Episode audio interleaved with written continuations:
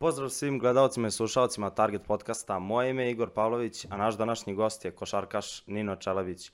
Nina smo danas zvali zato što smatramo da njegovu košarkašku priču i životnu malo ljudi zna, a i tekako je zanimljiva i smatramo da treba da je čuje šire narodne mase. Nino, dobrodošao u prvu epizodu prve sezone Target podcasta. Dobroveče Igore, bolje vas našao i nekako sam uvek ja taj koji otvara neke, neke sezone, neke podcaste i nadam se da, eto, da, da ćete čuti dobru priču. Čast nam je što si naš prvi gost.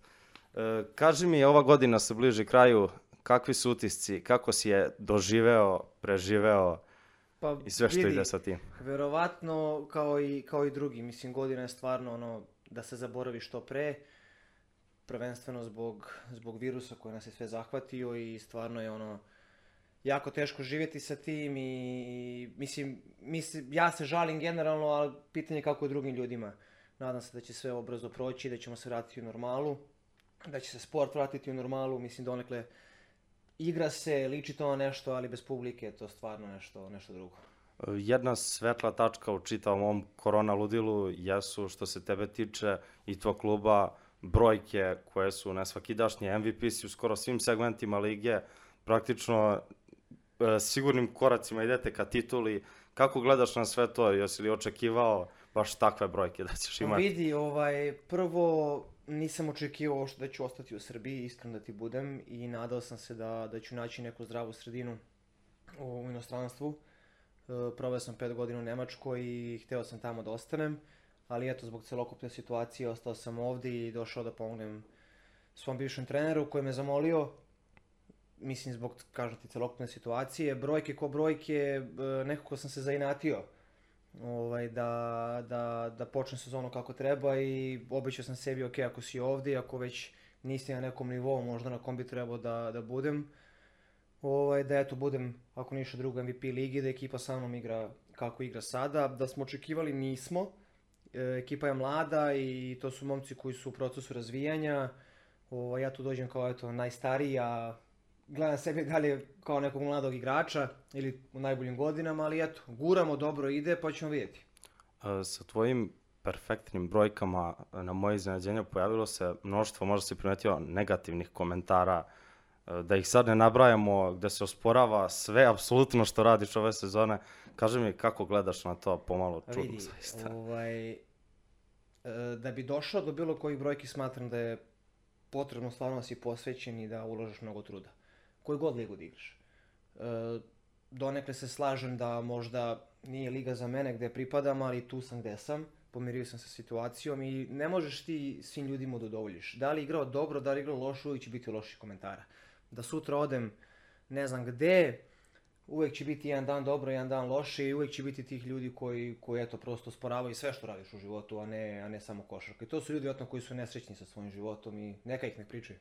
Ok, vratit ćemo se sada za početak ove, ove tvoje životne priče u neku 1997. kada mali šestogodišnji Nino pravi prve košarkaške korake.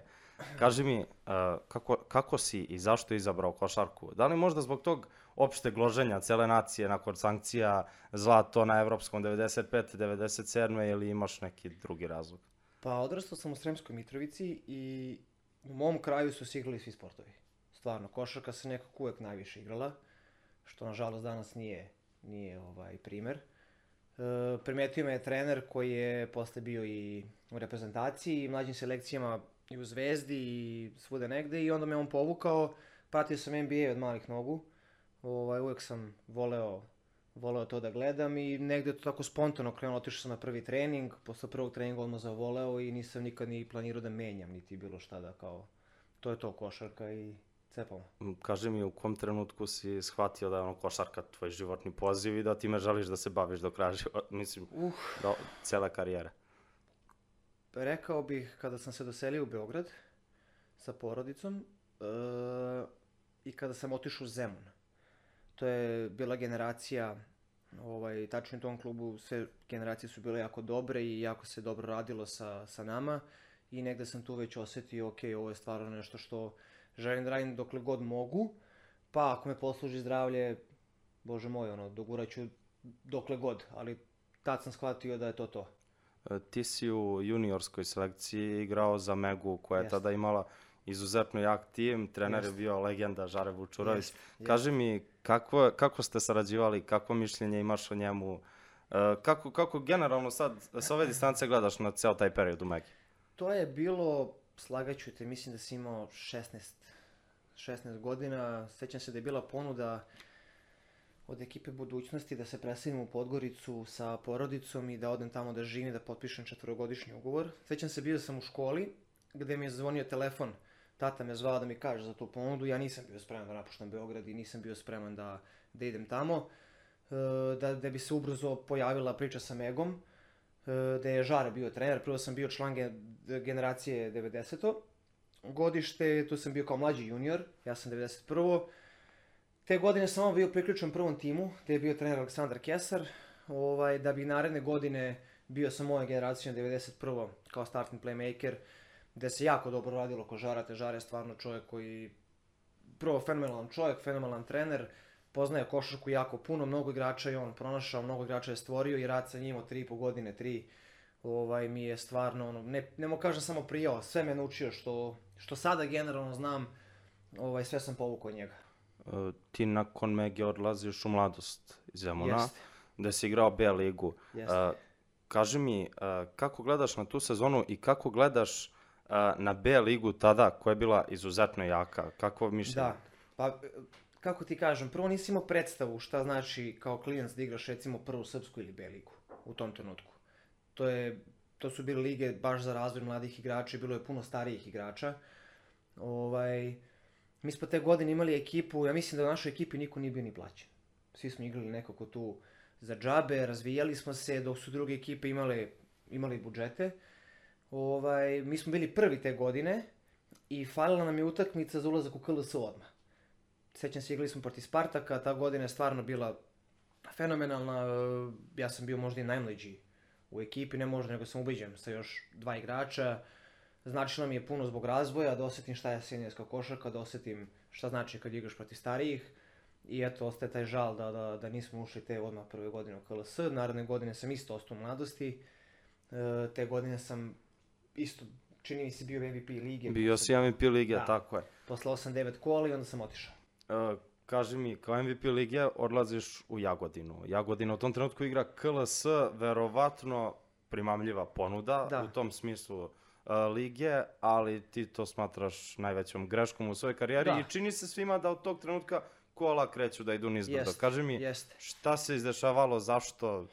E, nisi imao predstavu uopšte šta znači da promeniš klub u sred sezone. Bio sam mlad, verovatno u tom, to je bilo davno, verovatno u tom trenutku sam želeo, želeo se oprobam i tamo, smatrao sam da imam kvalitet.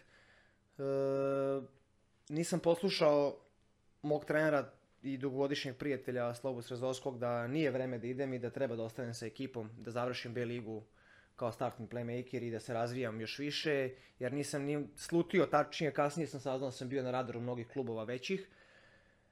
Napravio sam grešku, otišao sam tamo, to nije bila sredina za mene, nisam bio ni prihvaćen, e, promenilo se tri trenera, taj trener koji me je doveo ovaj, je otišao jako brzo, mislim posle dva, tri kola, došao je drugi trener koji je otišao posle mesec dana, došao je treći trener, mi smo sezonu završili sa sedam igrača, to je za mene bilo stvarno, ja nisam mogao se snađem tamo. Ja sam jedva čekao da se završi sezona, da idem kući i da vidim šta ću dalje, ali definitivno, definitivno od tog trenutka nekako moja karijera i sve nešto što sam gradio godinama, sve neko krenulo nizbrdo. E, Između tog perioda Jagodine i tog povratka u Zemun, e, čuo sam da se pominjao i Partizan kao moguća Da. destinacija, ali u tom trenutku je Ne, to je bilo, izvini što te prekidam, Partizan je bio 2015. 15. tako 15. je. Ja sam se vratio u mladost, E, nakon, kad sam završio s Jagodinom. Da, ti se vraćaš u mladost. Kaži mi onda, kad, kad smo kod toga, kako, kako gledaš na taj period, s obzirom da tada ide i ona povreda Jeste. i... Pa vidi, iskreno, e, težio sam da se vratim u Zemun, jer nekako to je bio moj klub i, i nekako sam osetio potrebu i da se izvinim što sam ih nekako ostavio sred sezone i što sam napravio grešku, ali eto, desila se ta povreda da sam slomio zglob na utakmici i onda je bila pauza od šest meseci. E, baš je bila teška povreda, sva sreća nije bila za operaciju, bio je onako poravak podugačak, e, da bih naredne godine otišao u Sremsku Mitrovicu, da, gde sam rođen. E, tu sam krenuo da radim s jednim atletskim trenerom, drugim, imam mog atletskog trenera. Od celog Beograda ti si išao u Sremsku Jest, Mitrovicu. od celog Beograda, ja sam išao u Sremsku Mitrovicu, svako jutro sam putovao da bi radio sa njim. Ovaj, I desilo se to da 2015. sam bio vrlo blizu prelaska u Partizan, nažalost to se nije desilo zbog nekih drugih okolnosti, ne bih da pričam sad o tome, ovaj, ali eto, ostaje neki žal, jer sam stvarno celo leto radio i spremao se pre toga dok sam se oporavio od povrede i svega, baš je onako bilo, bilo jako, ali eto, Nakon toga nije te bilo na, košarkoš, na košarkaškoj mapi praktično godinama. Da. Kaži mi, uh, da li si ti razmišljao da odustaneš od košarke ili zapravo, a još bolje pitanje, da li si ti odustao od košarke u svojoj glavi i rekao, ok, ovo više Da, nije. to kad, se, to kad se desilo, ja sam stvarno imao ozbiljan problem u glavi, jer e, nekako sam imao osjećaj šta god da radim i koliko god se trudio, koliko, koliko god posvetio vremena košarci, e, nekako nailazio sam uvek na neke probleme sa strane koji su pokušavali da me izbaci iz koloseka, i dan danas ne znam zbog čega. Ali eto, te 2015. kada se to nije realizovao, ja sam onako baš pao psihički, jer sam bio ubeđen da će, to, da će doći od toga, jer sam stvarno spremao sam se 8 meseci za to. I rekao sam sebi da baš je bio moment da, da nisam teo više da vidim loptu.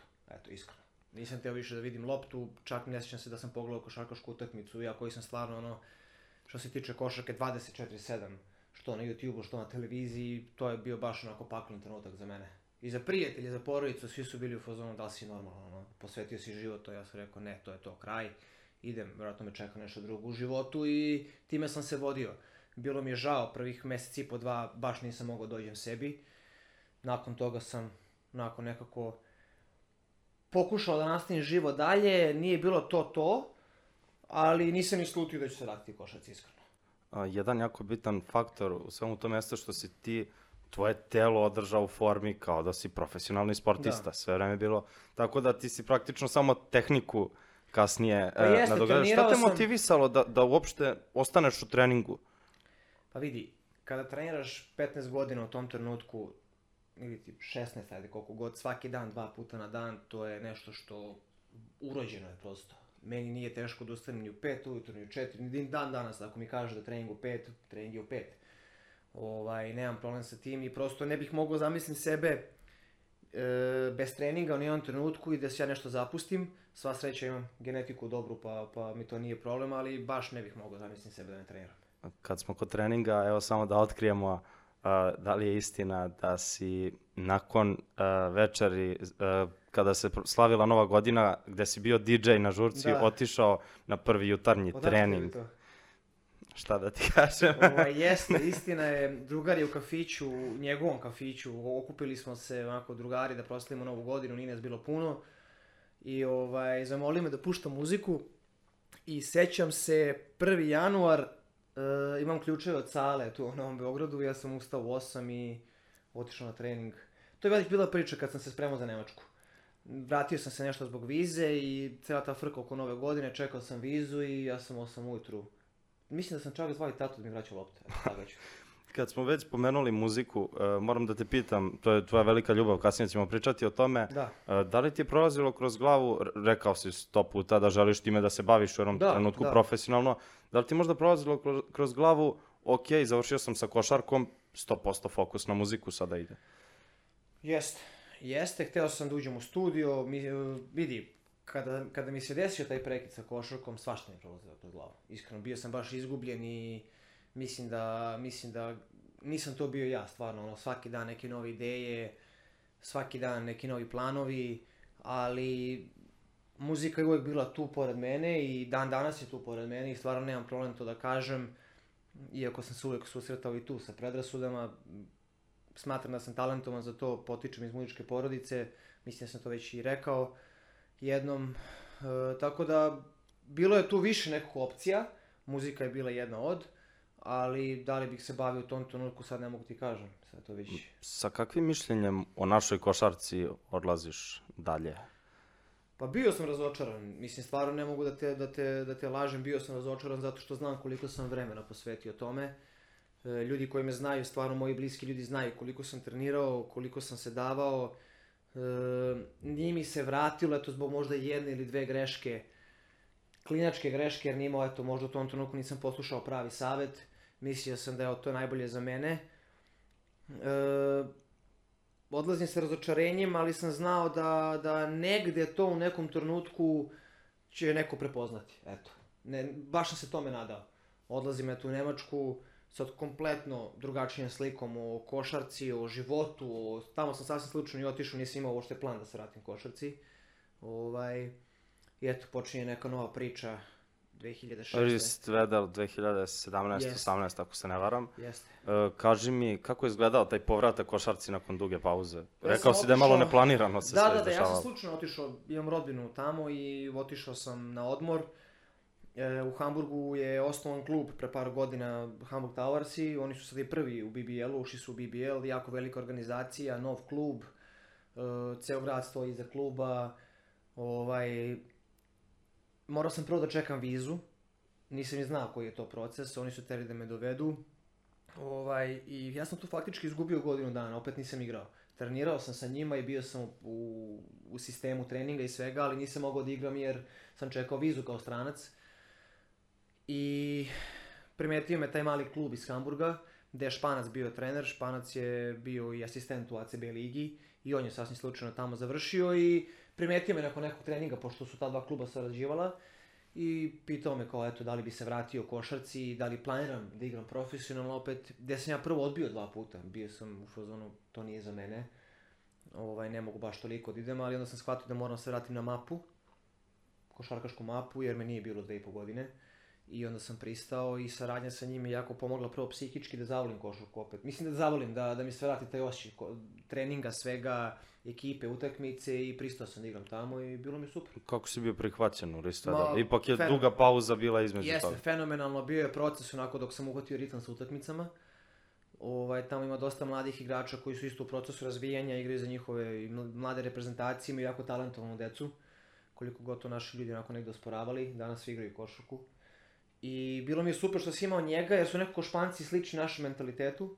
I ovaj, prihvatio me i baš mi je dao prostora, dao mi odmah eto, da budem lider i tako sam se postavio i stvarno mi je godina bila fenomenalna. Kako bi na kraju dana, što bi se reklo, opisao tu povratničku sezonu košarci? E, bilo je jako emotivno. Prva utakmica mi je bila baš emotivna. Nisam, iskreno, ja sam to sve otpisao, mislio sam da više nikad neću zaigrati i kao da ono međutim. E, nakon toga ti odlaziš u Leverkusen, to je sezona, to je pre dve sezone bilo, mm, tako? Mm, Moja prva, uh, da, 18-19. 18-19. Uh, možeš li nam reći nešto više o klubu, istoriji, trofejima, s obzirom da ovde kada kažemo ljudima druga nemačka liga, znači samo prevrnu očima i to je Jeste, to, a. Leverkusen je e, ima izuzetne trofeje, izuzetnu istoriju, pa eto, reci nam nešto više kao Iskreno, čovjek koji je meni kad je stigla ponuda od njih, ovaj, jer ja sam u, u Hamburgu, u tom klubu gde sam bio, imao stvarno fenomenalnu sezonu i negde sam sebe već vidio u BBA ligi, ali to ne ide tako lako, uh, pogotovo kad si stranac. Um, bilo mi je fascinantno zato što uglavnom, uglavnom nemački treneri dovode crnce. Jako je malo Evropljana u BBL-u. Mislim, ko prati košarku može da vidi da, da na poziciji playmakera, mislim da nema ni jedan. Bio je Niko Zizis, mislim da i dalje, ako nije otišao, nisam siguran, u Bambergu. Ovaj, jedini Evropljanin playmaker, sve su crnci. I sve su Amerikanci, oni furaju taj stil, njima je NBA sve. Redko ko da iskreno prati Euroligu, prati se naravno Alba i Bayern, ali svi su samo NBA, od igrača do trenera. Gde mi je stigo poziv Leverkusena, ja sam e, odbio prvi, prvu ponudu, gde bi nakon 7 dana opet zazvonio telefon i opet stigla ponuda i gde sam popričao sa tadašnjim mojim agentom, gde mi on objasnio u stvari šta je Leverkusen. To je klub sa najviše trofeja u Nemačkoj. Oni su igrali Euroligu u, ovaj, u velikom periodu i to je klub e, koji je koji zavisi od, svi znamo šta je Bayer, mislim, veliki sponsor i futbolskog kluba i i to je klub koji ima najviše trofeja, mislim da ih je Alba stigla. No, uz. Albu dva najtrofejnija Da, tima. mislim da imaju 14 ili 15 titula, ne znam koliko kupova. Imao sam sreće da mi je trener u Leverkusenu bio e, čovek koji je bio kapitan reprezentacije Nemačke. Čovek koji ima odigranih e, najviše, mislim najviše odigranih utakmica u reprezentaciji Nemačke, više od Dirka Novickog. Čovek koji je stvarno legenda u Nemačkoj i onda kad mi je stigao poziv od njega i kad mi je agent objasnio ko je on, jer ja stvarno nikada od tada nisam čuo za njega, čovjek je igrao u Real Madridu, mislim da je čak igrao sa Đorđevićem, kad je Đorđević bio playmaker, E, igrao je Euroligu sa Leverkusenom, igrao je Euroligu sa Kelnom, Saša Obradović mu je bio trener, ili čak i saigrač, slagaću te. Ovaj, tako da, to onda stvarno rekao sam sebi, ok, ovo je možda nek, neki drugi stepenik, gde idem u klub koji je stvarno organizovan, gde, gde znaš, ono, dolaziš u klub koji je najtrofejniji u Nemačkoj. A ne igraju BBL već 10 godina zbog financija. Skraćen im je budžet i niko ih još nije stigao po titulama. Mislim da je Alba, pošto je Alba uzela prošle godine titulu u toku korone, mislim da su sad izjednačeni. Kaži mi, kakvi su uslovi za rad u drugoj Nemačkoj ligi? Evo, ako možeš, iako glupo zvuči pitanje, uporedi ih sa uslovima u KLS-u koji je ovde i više nego izvikan, po mom mišljenju, Pa kada su ta ne može, ne može da se poredi, iskreno. Mislim, nije, ja sam stvarno, mislim, ja sam neko ko potiče iz Srbije, ali ne može da se poredi. Ovo, tamo se ne trenira u hladnim halama, uh, ono, da čekaš da ti upale svetlo, recimo u hali. Nema toga, stvarno, uslovi su, uslovi su fenomenalni, uh, cela organizacija kad putuješ, ideš dan ranije na utakmicu, normalno, ako su dalje putovanje, imaš svoj autobus. Uh, doživeo sam to, recimo, da, da su se navijači prvi put vratili e, na košarkašku utakmicu nakon 12 godina. I taj osjećaj mi je bio onako baš, kad smo igrali finale e, prve godine, e, arena je bila rasprodata prvi put nakon 2009. godine poslednjeg finala sa albumom BBL. Od tada arena nikad nije bila rasprodata. Znači ulazim na utakmicu, e, dva sata ranije se zagrevam, hala prepuna. Prepuna, doček, dočekuju nas sa bakljama, sa, su imaju velike, velike, veliku grupu navijača ili futbaleri igraju Ligu šampiona i ovaj, to je onako moment koji je baš za pamćenje. Tu osvajaš titulu sa Leverkusenom, ali ipak si odlučio da odeš. Pa sad, kaži nam, da li si imao ti ponudu da ostaneš? E, ne, to je bila prva godina titula. Ja sam ostao još jednu godinu kod njih. Ja sam dve godine bio tamo. E, Ostao- nakon druge sezone? Na, e, da, prva godina, prva sezona je bila titula, ja sam ostao još jednu godinu. Da, nakon druge sezone e, ti si Da, otišao, da, sada, li si imao da. ponudu tada da... Pa Ostaneš. iskreno, iskreno negde sam, e, pričao sam i sa trenerom, pričao sam i sa agentom, e, korona ih je onako baš zadesila, e, celu Nemačku i mnogo su im budžeti skraćeni i sve i nije se ni znalo šta će biti tamo sa košarkom generalno, oni su sad skoro počeli ligu, vidim da igraju neke dve grupe. Ovaj, e, pričao sam, ali nekako sam e, imao osjećaj da mi vreme da idem dalje. Zato što dao sam im sve što imam, ostavio sam tamo stvarno dubok trag, to mogu onako ponosno da, da kažem. Za sve one koji misle da si imao samo epizodnu ulogu, evo, reci u kameru da, da tvoj billboard stoji u centru grada. Jeste. Tako da... Jeste, jeste, stvarno su me zavolali tamo. E, pri, pritom oni jako cene kad stranac ostane dve godine. Jer uglavnom, svuda u Evropi, znaš da Amerikanci se menjaju non stop, stranci dolaze, odlaze. Meni kad su ponudili drugi, e, drugu godinu za redom ugovor, e, to je stvarno onako bilo za poštovanje, zato što ne možeš to često da vidiš. Ovaj, jako su me zavolali i navijači, to mi onako baš značilo. E, puno su mi i pisali, kao da li ćeš ostati, šta se dešava, vratio si košarku u ovaj grad. I to ti onako baš negde znači. A Billboard je, Billboard stoji da u centru grada. Ovaj, Na koliko, mislim- četiri ili Četiri osam? godine će Četiri biti godine, Billboard, da. Četiri godine, baš mi se, skoro me zvao prijatelj iz Leverkusena, prolazio je u, u gradu i sliku mi je da mi pokaže da i dalje tu, ne mrda. Tako da sam stvarno ponosan na to, mislim nije mala stvar da ti kao stranac odeš u klub koji je najtrofejniji u Nemačkoj, iako ne igra BBL, i dobiješ eto svoj billboard onako koji stoji na bioskopu, na sred bioskopa onako u centru grada. Kaži mi, nakon te dve vrhunske sezone u Leverkusenu, da li ti možda prolazilo kroz glavu čoveče, ovde sam heroj za sve građane, a za mene nije bilo mesta ni u ABA ligi. Da. Kao, šta ti je prošlo kroz glavu u tom trenutku? Jesi se zapitao to? Pa jesam, nek. jesam, jesam. E, prvo, nekako sam sebe uvek vidio u inostranstvu, e, sa nekim mojim onako, načinom razmišljanja i, i svime što se vodim, e, vidim sebe na zapadu. Ovaj, prolazi mi kroz glavu, kako nije, mislim, da, da nemaš mesta u, u svojoj zemlji da igraš, a negde drugde te cene više, onako, negde boli. Zbog čega je to stvarno, ne znam, niti želim da ulazim u detalje. Kažem ti, ono, i sami dolazi baš puno pitanja, čak mi moji saigrači koji su mlađi pitaju, čekaj čoveče, kako je moguće da igraš Mislim, okej, jeste naša B liga ovde, ali treba napraviti te brojke, mislim, nije to samo izađeš na teren i kao eto daš 30 ili 25 ili imaš 15 asistencija. Tvoj cilj je verovatno bio da ostaneš u inostranstvu. Jeste. Uh, ali dešava se korona. Jeste. Koji su prvi problemi sa kojima se susrećeš? Pa napravio sam imao sam dve ponude koje sam odbio u startu jer e, mislio sam da će doći nešto bolje, iskreno nisam se nadao da će uvoliko traje korona. Nadao sam se da će negde u avgustu, septembru biti dosta bolje jer e, nisam teo nešto brzo opleto da donosim odluku gde ću, šta ću, teo sam da sačekam pravu priliku, nažalost nije došla. Ovaj, I da ne bih sedeo kući kao većina nekih mojih kolega koji nisu prihvatili, rešio sam eto da igram tu, da bi bio ritmu, da bi, da bi danas sutra imao sezonu u nogama, nije isto kad si sa ekipom ili kad treniraš individualno, ovaj, tako da mislim da nisam napravio grešku, a što se tiče korone stvarno nas je pogodila sve, šta će biti, kako će biti, gde ću, stvarno ne znam.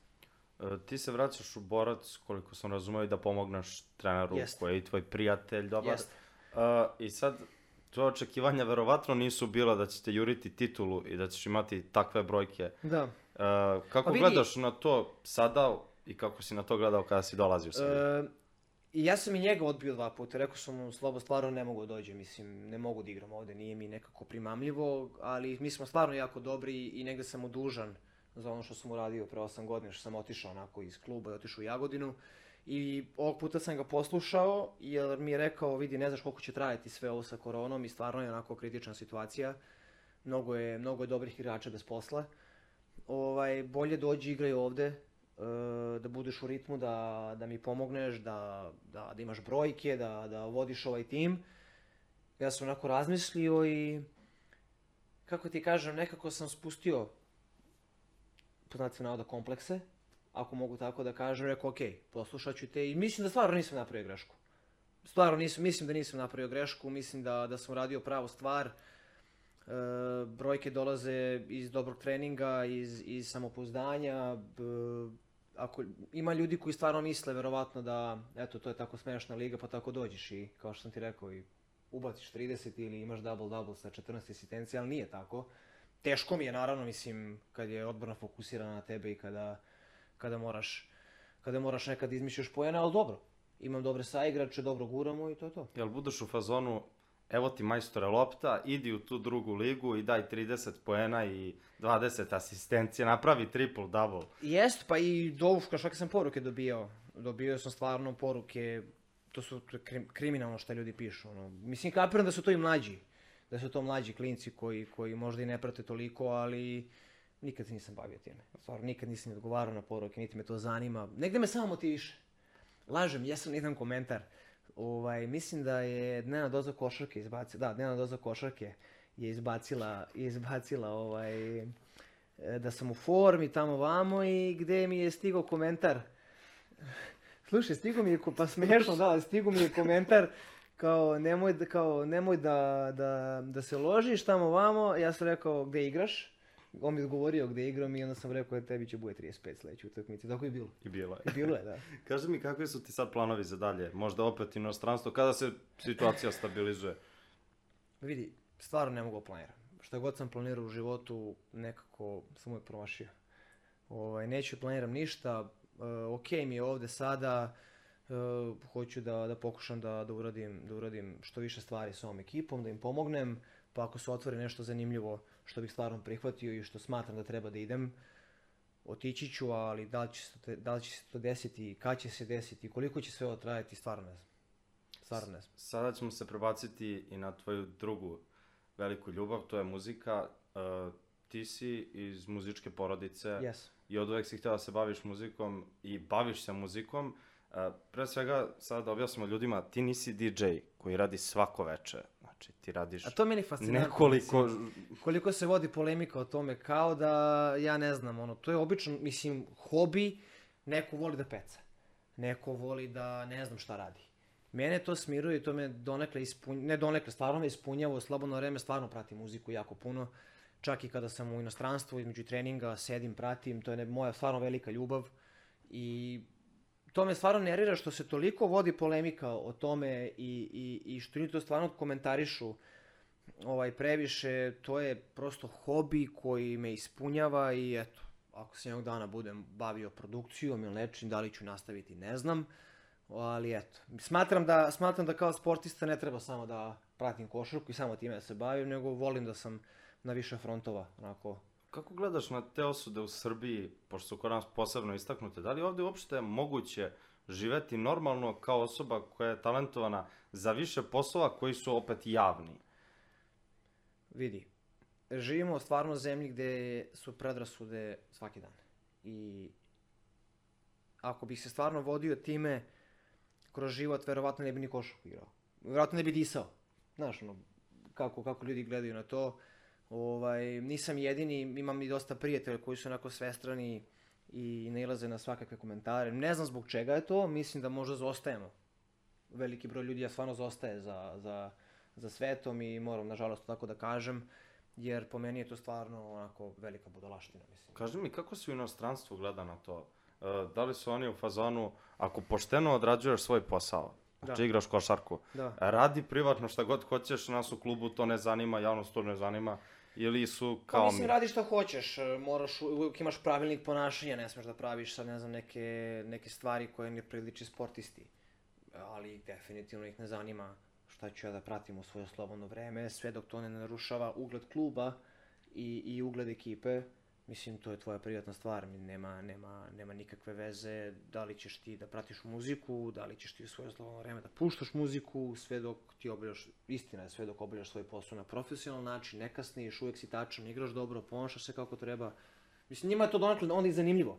E, Primera radi Bobi Marjanović. e, dakle, Bobi, da. Njima, je, njima je u Americi super kad on i igra i snima filmove, dok kod nas kažu, haha, Bobi maskota.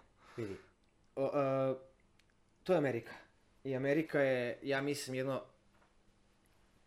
Pa da se, ajde, da se ne znam, jedno 20 godina ispred nas u svemu. I to je stvarno ponežavajuće što neki ljudi tako gledaju na to. E, to je stvarno veliki uspjeh da ti kao sportista, pa i Denis Rodman je smirao filmove. Da. Da. tako, pa koliko je uzeo titula sa Chicagom? I uvek je bio nešto drugačiji od drugih i tamo i mamo, ali čovjek je uzimao titule. I Jordan ga je uvek voleo i uvek je brinuo da li će on doći na trening, zna koliko mu je značio. Što se tiče Bobija, čovjek je sam po sebi nekako upadljiv, previše, znaš, ono, Bobi Marjanović, ne može da ga ne primetiš.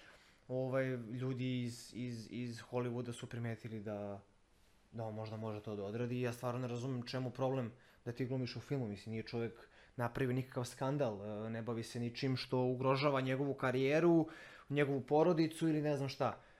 Ali, opet kažem, mi smo, mi smo narod koji, koji živi od toga da, eto, samo pljujemo druge, pljujemo i Novaka Đokovića, pljujemo i ne znam koga sve. Tako da, ja mislim da Bob je pametan momak, e, poznajemo se lično, ja mislim da njega to ne zanima. Niti treba da, pa pljuju su, Nikolu Jokića su pljuvali. Mislim, šta pričamo dalje? Za konje. Za konje, za, za sve, burek kako iz je, mladosti, pa mislim, za Coca-Cola. Čovjek je, čovjek je postao ozbiljno ime u NBA-u i on je trenutno najjači igrač franšize i onda se nađe neko iza telefona da napiše komentar o Nikoli Jokiću. Mislim, znaš, ček, stani. Kako možeš to da uradiš? Kako ti nije sramota da uradiš to? Pre svega. Mislim, pre svega treba te bude sramota. Znaš, i onda tako, eto, on odigra neku lošiju utakmicu, eto, on zbog ovoga, eto, ono, čovjek igra finale, mislim, konferencije sa svojom ekipom, gde nemaju ni, da kažeš, superstara, ali tako? Nemaju Izuzev super, njega i Mareja. Eto, on je sad postao, stvarno je postao superstar i on je stvarno ozbiljan košarkaš i ozbiljan IQ. Mislim da je čak i Deki Milović komentarisao to Jeste sam. vezano za Bobija, da li je bio Balkan Info, ali tako? E, I Balkan Info i Meridian. I Meridian, izvini da imam komentarisao, mislim, kakve veze imaš što, što ljudi imaju, mislim, imaš hobi, normalno da imaš hobi. Tako isto i za mene, samo što to je to neki drugi nivo tamo. Ovaj, to kod nas malo drugačije gledaju, nažalost, i mislim da se to nikad neće promeniti. Kaži mi za kraj razgovora ovog muzičkog dela, kakvi su planovi za budućnost što se tiče muzike? Pa, Imaš li ih? nema planova, eto, kad je bila korona, svirao sam klavir malo, pošto mi je nedostajalo, nisam ako dugo seo za klavir. Ovaj, pa, pa sam eto malo seo da se prisetim. Nema planova, mislim, opet kažem, ne znam gde će me budućnost odvesti. E, volio bi da ostanem u košarci što duže, što kao igrač, što možda posle kao trener. E, pratim je konstantno, non stop sam upućen u dešavanja u košarkaškom svetu. Što se tiče muzike, to je tu pa je tu, mislim, to je, kaže, opet kažem, hobi i uvek bih volio da, da, da, bude, da budem prisutan tu. Vraćamo se sada košarci. Kaži mi, kako ti ona izgleda u doba korone? Nastavila se, Da. prekinuta je sezona u martu, Da. u aprilu. Evo, nastavlja se bez navijača. Kako ti sve to izgleda? Pa, nije lepo za gledati, iskreno. Mislim, baš vidi se da fali, e, ova je sezona čisto da se odradi, tako mi deluje. vidiš koliko iznenađenja ima i u Euroligi, mislim, faktički nemaš prednost domaćeg terena, jer nemaš ni navijače, nemaš... Mi, dobro, Žalgiris, ajde, Žalgiris je napunio arenu. Oni su stvarno fanatici. Evo sad je CSKA počeo da pušta. I CSKA je Ono, počeo da pušta, da. Dobro, ljudi se kaprani pridržavaju mera i svega, mislim, ako to je, znaš da su ljudi malo tamo, ovaj, sve strani, da drugačije gledaju na to, ali definitivno da fali publika i nije to to. Nije to to, ali, biće, ali mi, je- zanima me šta će da bude s Evroligom ove godine. Baš me zanima. Rekao si da pratiš sve lige, Da. pa počet ćemo sa ABA ligom. Kaži Da. mi, iz sezone u sezonu, da li misliš da kvalitet lige opada ili raste, s obzirom da pratiš jako dugo, Da, kako gledaš pa na to? moram pazim šta ću joj kažem, šalim se. Ovaj, nije, e, previše stranaca. Ove godine stvarno previše stranaca, to je neko moje onako mišljenje, da se neko ne uvredi. E, bilo je, e, sjećam se Partizan kada je, kada je onako harao sa Duletom, ja mislim da je Dule imao samo dva stranca u ekipi. To je obično bila četvorka, petica i playmaker. Roberts i, I. Mekele, U tom trenutku, toga posle toga, ne znam, bio Curtis Gerald sa, ne znam, sa Gislo. Tako je. Sada je to već previše. Mislim da se negde gubi gubi naš identitet. Mislim da, da dosta fali naših igrača. Baš fali. E, Semege, eto, koja stvarno forsira. Petru, kako igra Kako ti se čini Mega? Očekuješ li pad u njihovoj igri u jednom trenutku sad, ili, ili misliš da će održati ovaj neki tempo? Pa vidi, mislim da su to su mladi momci koji mogu da treniraju ceo dan, koji su prespremni, koji igraju na, na energiju, tamo se zna ko šta radi, to, tamo je sve isplanirano. Petrušev i Simonović su oduševili mnogi. Ma, Petrušev je strašan igrač, stvarno. Ono, Ceniš da će da da, NBA? da, da. Da, ima strašno telo, razume, pre- svega razume košarku. Nije ono samo imam telo, ne, on razume košarku i mislim da će napraviti ozbiljno, ako ga posluži zdravlje, što mu stvarno želim, ovaj, mislim da će napraviti ozbiljnu karijeru. Imaš li nekog istaknutog favorita za osvajanje ove sezone? Ipak je korona godina i nema navijača, Da. tako da, malo je specifično evo pitanje. iznenađenja, pre neki dan budućnost dobila Zvezdu u Beogradu. Ok, to je jedna utakmica. E, Zvezda definitivno ima najjači tim na papiru. E, drago mi je da se moj partizan vraća na, u neku normalu sa novim trenerom. Ovaj, imali su taj neki težak period. Mislim da će ih, da će ih novi trener onako baš vratiti tamo gde je pripada. Deluje da ima taj neki kod Duška Vujoševića po pitanju treninga. A Pa i i bio mu i on je asistent ozbiljan CSKA. profesionalac, da, on je u Sloveniji, mislim, dugo radio Slovenac. U, da, da, u Da. Olimpiji. Olimpiji, mislim da mu čak i CSKA, bio... Banvic, onako. Je mu bio pomoćni trener? U CSKA, U CSKA, jeste. pa da, ne, mislim, to se odmah vidi, čovjek je došao prvu utakmicu i odmah si osjetio drugu energiju kroz televizor, samo što gledaš, razumeš, nisi ni na utakmice, već si osjetio. E, biće, biće onako baš zanimljivo, uvek je tu i Mornar onako i Senke. Imaju dobru ekipu i znaš da tamo jako teško igrati uvek i evo i Partizan je izgubio tamo. Jeste. Ovaj, ali onako neko igraju, kako ti kažem, ili igraju vrhunski ili igraju slabo. Tako da mogu da mogu da budu ozbiljan problem i naravno budućnost, mislim, nema tu nema tu nema tu uopšte ni uopšte pitanje da da budućnost neće biti tu, mislim da će biti u četiri, mislim da će napraviti ozbiljne probleme i drugima. Ali kad dođe playoff, znaš kako to ti ono, treba da dobiješ nekog tri puta. Kaži mi, sad ćemo da pređemo malo na Euroligu.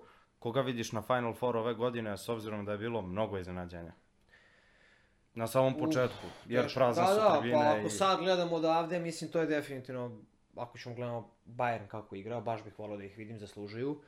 E, naravno Barcelona, mislim da će tu biti CSKA i, i, i Real Madrid. To je nek, neke moje prognoze, onako mislim da, da on... Efes, izvini, njih sam zaboravio. Biće borba između, između Efesa, Efesa, CSKA i, i, i ako Bayern nastavi ovom ritmom svakim čas kako igraju. Napravit ćemo sada malu pauzu, pa nastavljamo sa Euroligom. Važi.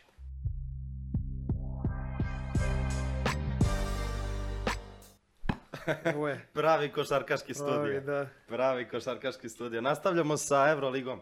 Kaži mi, nakon što smo istakli favorite za Final Four, uh, ko su ti i ko su igrači koji ti zapadaju za oko ove sezone, koji se ističu kao najbolji igrač, igrači, možeš li da ih navedeš? Pa, mislim, svi koji prate košarku i Euroligu posljednje 2-3 godine, od kako se Mirotić vratio u Barcelonu, mislim da je on stvarno onako velika klasa. Mike James, dečko kojega mislim da je nemoguće čuvati njega i Larkina. Mislim, to su onako dva beka koja... Mada i, bože pomozi mi, iz, iz Makabija, Scottie Wilbekin. Da, Scottie Wilbekin, eto njih trojica su mi onako baš kao bekovi sviđa mi se, sviđa mi se momak iz Žalgirisa, mladi ovaj, ne znam mu tačno ime. Mislim da je, on, e, mislim da je godine debito u Euroligi, jel tako? Ako se ne varam. Ne znam na koga misliš Nije ni tačno, bitno, u ali nije ni suštini bitno. Žalgiris ima stvarno dva, tri onako dobra mlada igrača, ali ova trojica su, eto, na vrhu. E, Kaži mi, prokomentarisat ćemo sad Zvezdu. Što se njih tiče, deluje da taj start u Euroligi nije onakav kako su ga navijači očekivali. Da. Kako gledaš na sastav, na dolazak Saša Obradovića za trenera i ka, misliš li da mogu da se izvuku iz trenutne krize i napadnu to poslom za koji smatram da imaju tim? E, mislim, prvenstveno da ti dovedeš takvog trenera, to je stvarno ozbiljan potez. E, drugo, mislim da su imali jako težak raspored.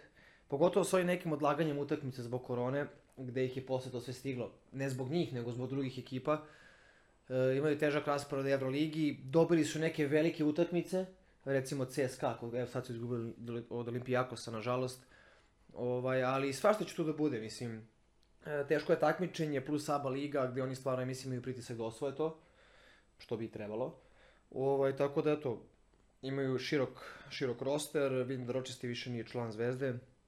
Da, Šuška se, šuška se da će LBC možda popuniti to mesto. Da, pa ne znam, mislim, u suštini, u suštini ozbiljna su ekipa. Ozbiljna su ekipa, nisam tamo, nisam u slučajnici, ne znam šta se dešava, zbog čega gube neke utakmice, ali da imaju ozbiljnu ekipu imaju. Definitivno. Kaži mi sada što se Evrolige tiče, uh, koja ti se više sviđa? Era s početka 2000-ih, pa da kažemo negde do 2010. ili ova sada novija, da kažemo, zatvorena Evroliga koja je krenula sa 16 Ova prva. timova?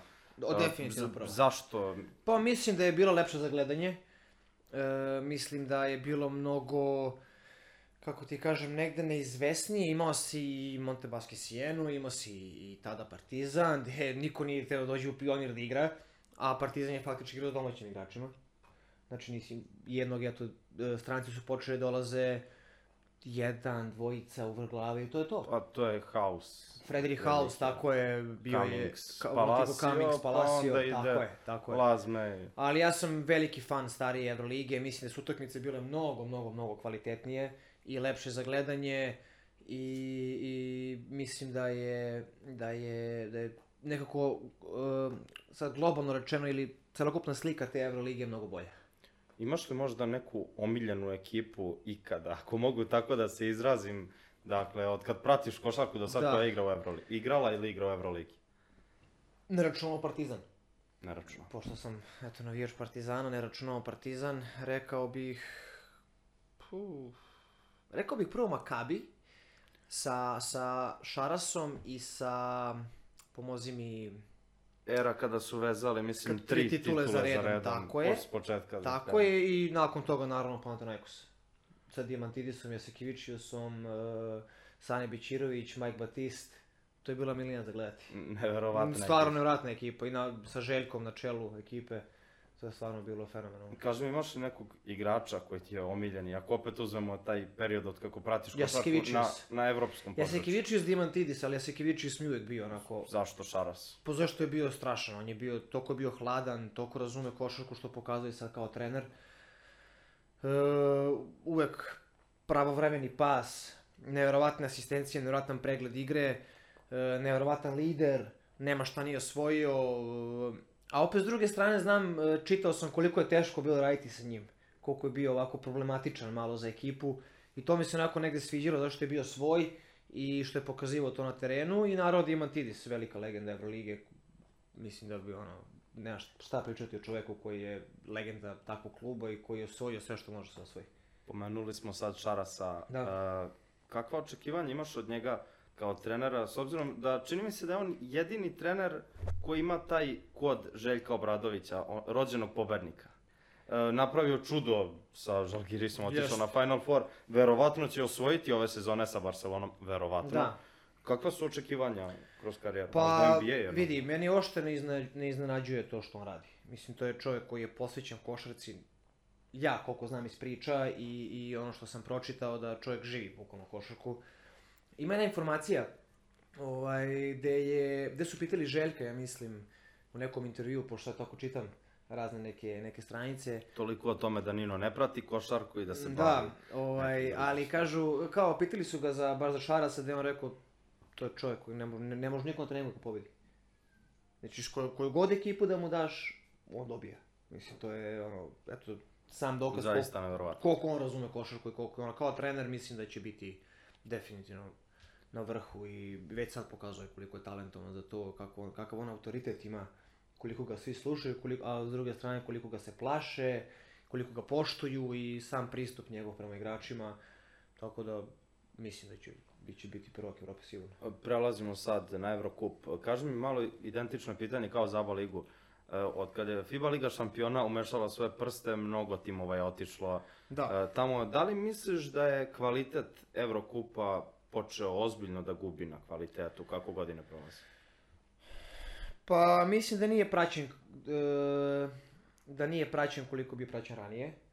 E, da Rošafaka više ne igra Eurocup ako se ne varam. Daruša Faka, Ritas, Ritas, tako, Ritas je, mislim, jedno se, veliko ime košarkaško, ljudi su igrali Euroligu godinama i e, Litvanci žive za košarku i to je stvarno, kako ti kažem, mislim greška, ne mogu ja cenim da li je greška ili nije, ali takav neki klub nema mjesto u Evrokupu. I Daruša Faka koji je poslednjih godina isto igrala Euroligu i uvijek su bili nezgodni, ali toliko je dobrih igrača sada svuda da, da ti kad pogledaš ili FIBA ligu šampiona, to je nivo ispod Evrokupa, koliko dobrih igrača tamo ima i ali mislim da Evrokup e, ne znam, mislim, pratimo ga mi koji smo u košarci, da li ga prati ostatak, da li će neko paliti TV da gleda Evrokup, ako nije Partizan ili neka druga naša ekipa, mislim da neće. Prošle sezone su se upravo Partizan i Virtus isticali kao glavni favoriti Da. za osvajanje. Sezona je prekinuta, sada je nastavljena, Virtus deluje ok, mada imaju problema ovaj, ovih dana. Jest. Znamo što se dešava sa Đorđevićem, Partizan je nešto slabije startovao, deluje da, Da. se vraćaju.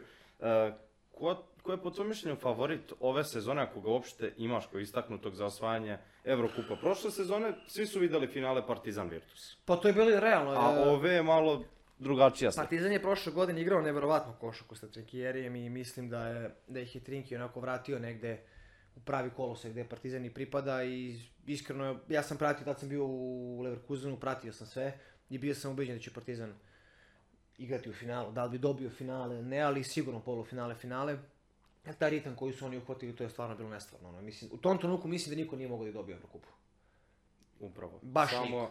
jedan poraz od Venecije na Mi- mislim da to- da, slučajno je to možda bilo, da jest. Ruša Faka na strani. Jeste, i tu su se isticali eto, Jaramas kao naš, e, kao lider u tom trenutku i neko ko je mlad i ko treba da nosi Partizan. Baš mi je bilo drago da vidim da je neko naš, s naših prostora, e, lider ekipe. E, stranci su znali njihove uloge.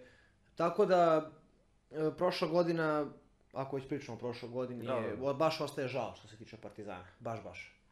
Što se tiče ove godine, stvarno ne znam ko će da osvoji. Istakao si. Gađam, mislim da će Virtus, mislim to je negde moje da će onako da ih Sale pripremi. Ali deluje da imaju problema unutar kluba. Pa nešto se dešava, mislim, ne možemo da pričamo... Velinelli je ponovo povređen. Ja ne znam šta se tu dešava. Iskreno, mislim, ne, ne mogu da pričam, nisam kompetentan, Do, do, ali... dobijamo neku reality sliku ovih da, dana. ali to mi je bilo baš malo čudno da ti otpustiš trenera, pa... Mislim... Ma, igrači. Navodno, pa mislim, ja ih, razu... da pa ja ih da- razumem, zato što ih je... On ih je i doveo i... Ne samo što ih je doveo, mislim, to su dva ključna igrača, kako će ti igraš bez tebe? Mislim, čovjek koji je mađioničar na parketu, Stefan koji, ja mislim da ne postoji trener u Evropi koji ne bi volio da ima takvog igrača u ekipi i ako ti se takva dva igrača pobune, znači da nešto nije u redu. Rekao si da si navijač Partizana. Kakva su Jesam. tvoje očekivanja od Partizana ove sezone? Nešto slabiji start, eh, onda je Sašo Filipovski, koji je poprilično pocenjen ovaj, od strane navijača, digao to na neki nivo očekivan. Kako gledaš novu sezonu, početak, rad Filipovskog, eh, šta očekuješ? Pa, poč, nisu počeli. Mislim da je ona prva utakmica protiv Juventuda, ja mislim da su tu možda onako malo nastali, moje, ne, moje neko mišljenje, opet kažem, ne mogu ja da komentarišem to, kad si imao plus 15 u Španiji i izgubiš tu prednost, izgubiš utakmicu, mislim da je ekipa možda tu malo poklekla, ali Partizan ima dobar tim, ima energiju i mislim da ih je Saša baš onako vratio kolosek. I mislim da im je čak i prijela ova pauza kad nisu igrali dve nedelje. Nažalost izgubiš od Mornara, eto, na jednu loptu, teška utakmica bila. E, mislim da će, da, će, da će biti dobri, iskreno. Kaži mi, moram kao navijača da te pitam, imaš li neku utakmicu koju ćeš pamtiti ceo život? Uh, ima mnogo. Pretpostavljam da si išao na Ba utakmicu joj, visi sam u pioniru non stop, to je bilo strašno. Koliko sam puta, moram da kažem, pobegao iz škole da bi, da bi, da bi otišao u pionir. Mislim, ba, to je bila generacija, mislim, generacije unazad. Oni ko pamti, ovaj, ne znam koliko i mlađi sada koji, koji prate košarku znaju to. Utakmica sa Barcelonom, 2010. 2010. tako je. Nismo baš toliko mlađi. Pa ne, vidi, ima neko ko ti pratiš, ima neko možda ko ne prati, ne znam. Ovaj, Kako gledaš utakmica sa? Panathinaikosom, kući, isto A, redno dve lopte, sa Rekord Željkom. arene ili... Ne, ne, ne, u pioniru. Aha. Kad je Novica, Novica, igrao, da. Novica igrao kad dao trojku ono, sa 45. Ne znam, ima, ja nikad neću pražaliti Olimpijakos. To mi je, znači, dan danas kada se pojavi neki klip kako Teo šutira trojku, a Veselj nije zagradio. Sad kad bi sreo veselog novca, bi ti prošao odmah flashback kroz glavu. Ma ne, to je, mislim, Zašto? nikad neću, mislim da ni on nikad neće prežaliti. Zašto čoveče? A samo zamisli... Te, Misliš da bi mogli da igraju sa Barcelonom da, tu u finalu? da, da, iskreno. Mislim zato što je to jedna utakmica. To je jedna utakmica i da ti sa tom ekipom, e, prvo doveo si Mekeleba u tom trenutku koji je bio ne, nepoznanica svima. I Dule je njega pronašao u Turskoj negdje, ne znam kako je došao u Partizan, momak koji je došao Oni i... su, mislim, Vula hteli da dovedu na play, ali nije došlo Koga? do... Pa Vula Ardalović treba Aha. da dođe, ali nešto nije došlo koliko sam čuo do saradnje. Dobro. I onda su Mekeleb. kao, ajde, Oni su te godine, ja mislim, Mekeleb bili mislim, došao iz pretposlednje ekipe, ekipe, na Ankara. tabeli. Ankara je bila Tu- turska. Ankara, tako, da. Ankara. I oni su bili, sećam se, na, na, na letnoj turneji e, za NBA, ono kad su igrali protiv NBA ekipa. Phoenix, Denver. Phoenix, tako je, i on je tad došao i on kad se pojavio, ja mislim da, da je napravio, on je napravio show u Euroligi. Kako on čovjek igrao, šta on, ko, ko je ona mašina, kako je kometak. I mislim da je Robert dosta doprineo. E, moj dobar drugar Bane Đekić iz generacije odigrao strašnu sezonu, jako mi je žao što je to. Šteta što nije napravio. On je sad u da. Sparsima ili tako nešto. Da, u, tamo je. On tamo imao je. čak i ozbiljne minute u, za te godine u On je Euroligi. 22 minuta igrao prosjeka Euroligi. On je- Upravo to. On je protiv Barcelone, e, protiv Barcelone počeo utakmicu u petorci. Misliš li da to treba i sad treneri da praktikuju? Da uvek daju jednog, dva mlađa igrača koje treba, Pa treba, da se kale mislim, u mislim da evropskim kao, evo, gubi nam se identitet polako, ja kad pogledam mlađe selekcije šta se dešava, Praktično sve su u B diviziji. to je stvarno, po meni, opet kažem, to je neko moje mišljenje, kapiram da je mnogi dele mišljenje, da je to velika sramota. Kad smo, Stvarno već, kad smo već kod reprezentacije, nisam planirao da te pitam, ali onda se dešava šokantan poraz od Švajcarske, pa egal sa Fincima. Kako gledaš na ove kvalifikacione mečeve? Mislim da je jako teško e, i trenerima i igračima jer ti dolaziš iz nekog sistema u ekipi u- sa svojim klubovima gde putuješ puno, gde, gde, gde je totalno drugačije priča i onda treba spakuješ kofer i dođeš negde u neki deo Evrope gde se igra bez bukvalno jednog treninga ili recimo s jednim treningom i ti treba da odigraš utakmicu. Mislim da, je, da im je jako teško i uopšte ne mislim da je lako.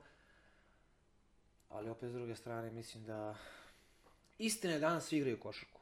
I Švajcarska i Holandija, nema toga više znalo se. Ali opet mi imamo takav neki kredibil- kredibilitet ovaj, gde ti takvu ekipu treba da dobiješ možda i bez trenera. Mislim, to je neko moje mišljenje.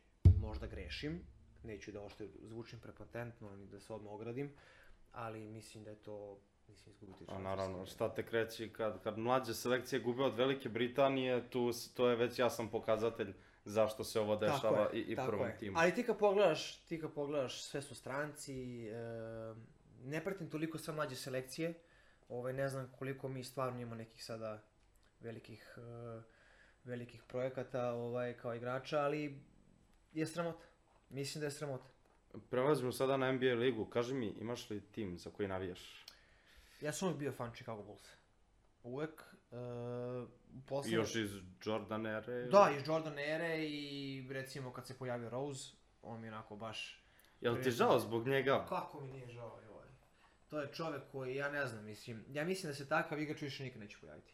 Nešto ljudi porede kao Russella Westbrooka sa njim, to su dva kompletno različita igrača i ako mi je za nekog žao, stvarno mi je za njega žao.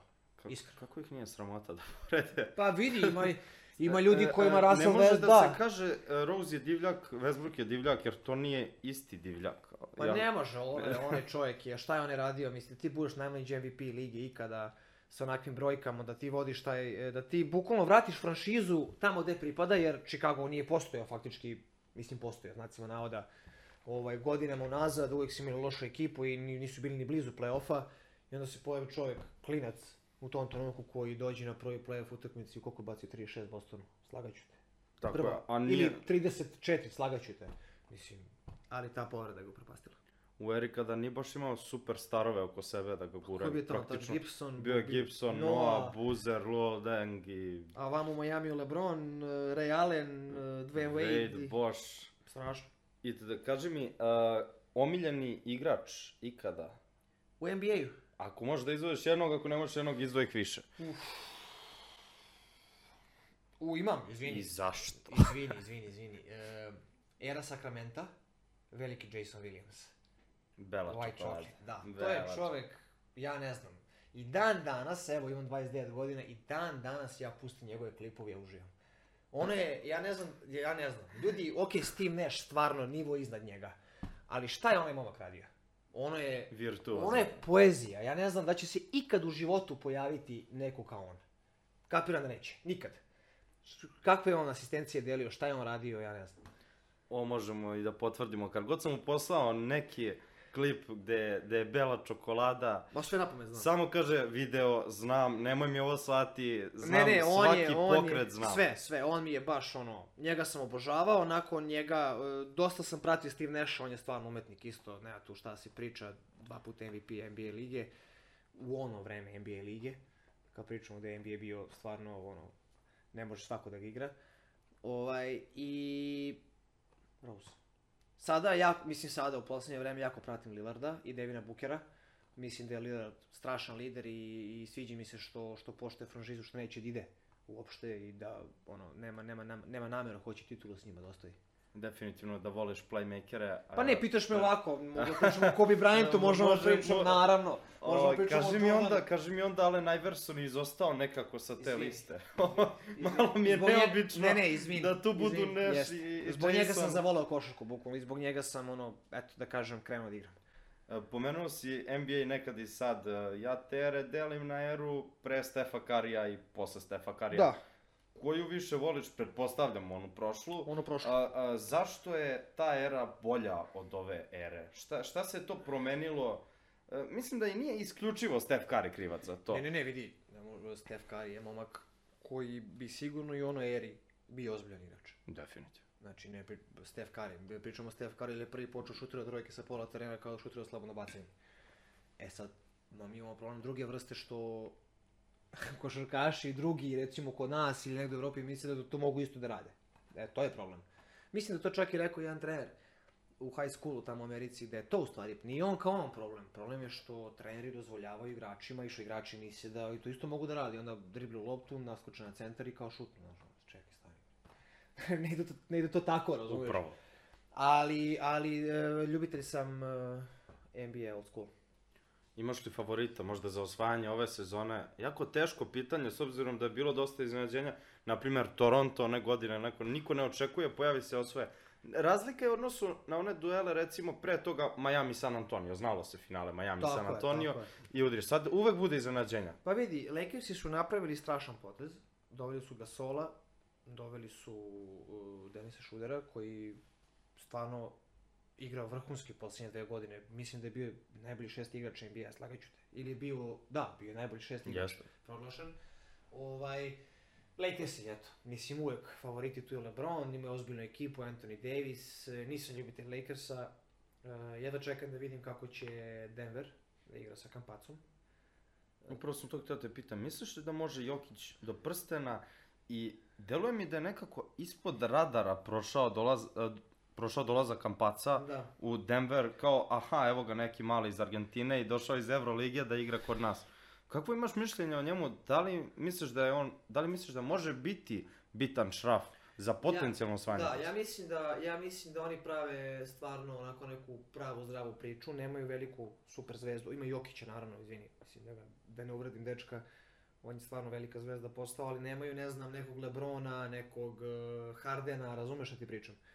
Ovaj, mislim, da, je- Jasno. mislim da je ovo stvarno, baš sam skoro sa drugarom pričao, pitao me šta misliš o Kampacu u ja kažem, on će njima tako da legne. da je to strašno. To je čovjek koji sve vidi, znači ja mislim da on čovjek ima, ja ne znam, kod ima čovjek četvr očiju, ne znam šta je ono, stvarno sve vidi.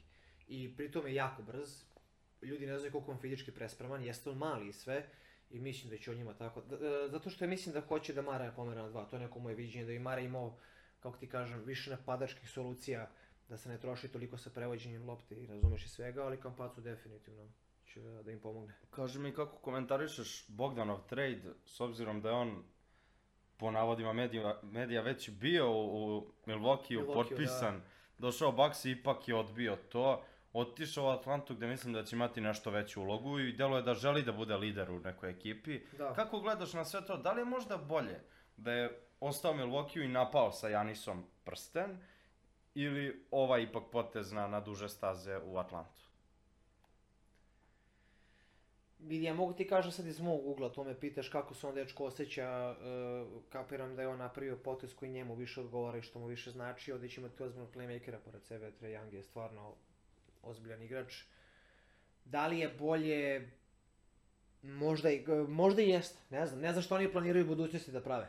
Znaš, ono, uh, meni je jako iznenadilo da on što tradeovan, ja sam mislio da će onda potraju u Sakramentu, tako mi je delovalo, znaš, ono, nekako- Sacramento deluje da je baš u ozbiljnom raspadu. pa oni su već godinama, ne mogu da, da se sastave. I sad ne mnogi mnogi upiru, upiru prstom u divca, ne bih rekao da je on glavni krivac za sve ovo što se Mislim, dešava. Ne igra on čovjek košarku, jer to su sve ozbiljni igrači. Mislim, znaš, ne možeš ti da Ljudi kažeš, "Evo, on je jako kriv." dugo play-offa nisu videli, šta više, šta više da pričam. Ne znam, Uz, uz Nixe i možda Minnesota jedna od po najloših Minnesota franšiza. da, ozbiljnom problemu. Jedva čekam da vidim šta će Phoenix da uradi sa Bookerom i Chris Paulom. To će da bude zanimljivo. Mislim da je Da. Chris Paul pravi igrač koji je tu uh, došao da svojom inteligencijom je. i iskustvom smiri tu igru. Tako je. Možda razigra Ejtona koji, koji mislim da nije pokazao 20% Da, da, sigurno, pa vidi, što može i treba. pričamo o jednom najboljim playmakera, e, najbolji, možda i trenutno najbolji playmaker i dalje. Pričamo globalno, playmaker u svim segmentima u, u NBA-u. I mislim da će on puno da pomogne Devinu Bookeru zato što mislim da će taj momak stvarno napraviti čudo za... Mislim, već pravi čudo, ali ja mislim da će on kroz koju godinu biti... Ne mogu da sada kažem drugi Kobe Bryant, ali jako blizu. Za kraj ovog razgovora vratit ćemo se još jednom na tvoju karijeru. Imaš li možda neki neostvareni san košarkaški što se tiče kluba, reprezentacije? Pa imam kako nema, mislim, od uvijek sam mašto da igram za Partizan pred punim pionirom, to mi je onako, jer sam i navijač Partizana i proveo sam jako puno u, to, u toj hali i nagledao se utakmica i to mi je onako stvarno velika želja. Jako mi je žao što to nisam ostvario, što nije došlo od toga. Ovaj, to mi je, to mi je ako neostvarena želja, naravno reprezentacija kao i sa- sam svakog dečaka koji igra košarku da... Ali mislim da je to sad daleko, iskreno, mislim da je možda i kasno, ovaj, da sam trebao da budem, bio bi, Možda jednog dana kao trener. Jel planiraš da se baviš trenerskim poslom? Planiram, da. Uvotio sam se par Moraš poslova. ostati u košarci, definitivno da ti je Pa vidi, suđeno ovaj, da dugo sam u tome, pratim sve i, i mislim da bih, da bih čak možda bio uspešniji, mislim, vidi,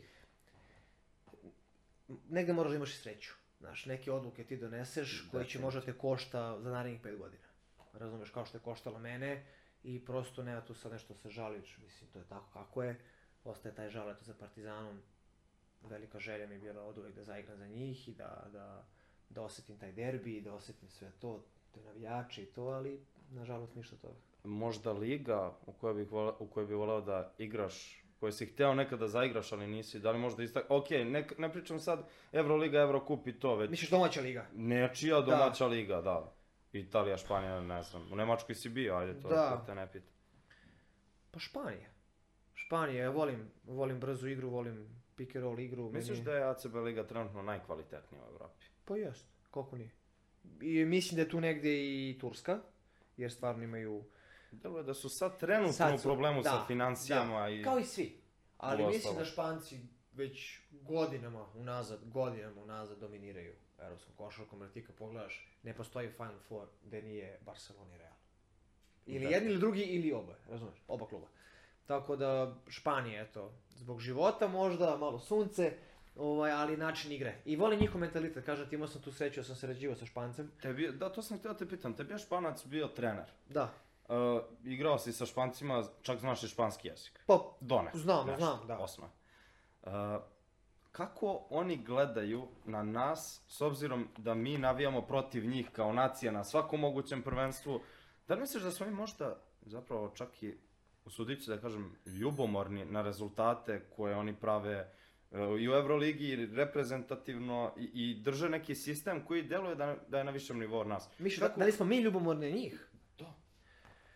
Pa Ne vidi, vidim oni, oni, razlog da oni, ono recimo, što ja znam, recimo, kad sam pričao sa tim mojim bivšim trenerom, e, zanimalo me kako oni rade sa mlađim selekcijama. I oni imaju ozbiljne programe i oni ljudi ulažu ozbiljna, ozbiljna sredstva da razvijaju mlade igrače, da, da je to ozbiljan plan, plan rada. U svakoj ekipi, recimo, Unikaha ima strašan. Naravno, Real Barcelona, to se podrazumeva, Unikaha ima strašan razvojni, razvojni centar za, za mlade igrače. I oni baš ulažu u to i zbog toga su tu gde jesu. Realno. I najbolja liga i, i, i, i njihova druga liga je ozbiljna liga. Gde je dosta igrača iz ACB lige igralo prvo NLB Gold ligu, gde su Zato otišli. su podcenjene te druge lige po Evropi. Kao. A Zato što ljudi ne prate toliko. Kod Znaš, nas dođe, odeš- eto, da neko ima kvaliteta, igrao bi u KLS, ne bi išao u drugu negde. Da. Kao, Pa mislim, da, definitivno. glupo rečeno, ali je jedan Sergio Ljulj otišao iz eh, druge lige u Real Madrid. Znači, on je potpisao za Real Madrid kad se Pa pojavio, oni su skontali da on još nije za Real, poslali su ga u razvojni tim gdje je on tamo kidao i radili su s njim ozbiljno, gdje je on sam izjavio koliko je to ozbiljna liga, koliko mu pomogla i onda se vratio u Real.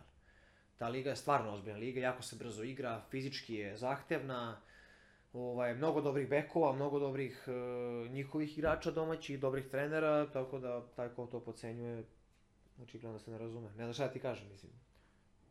Ništa, to bi bilo to za ovaj razgovor. Hvala ti puno što si bio Hvala naš tebi. gost. Hvala tebi. Vi, ukoliko vam se ovaj podcast svideo, udarite like, share, pretplatite se na naš kanal i to bi bilo to. Uživajte.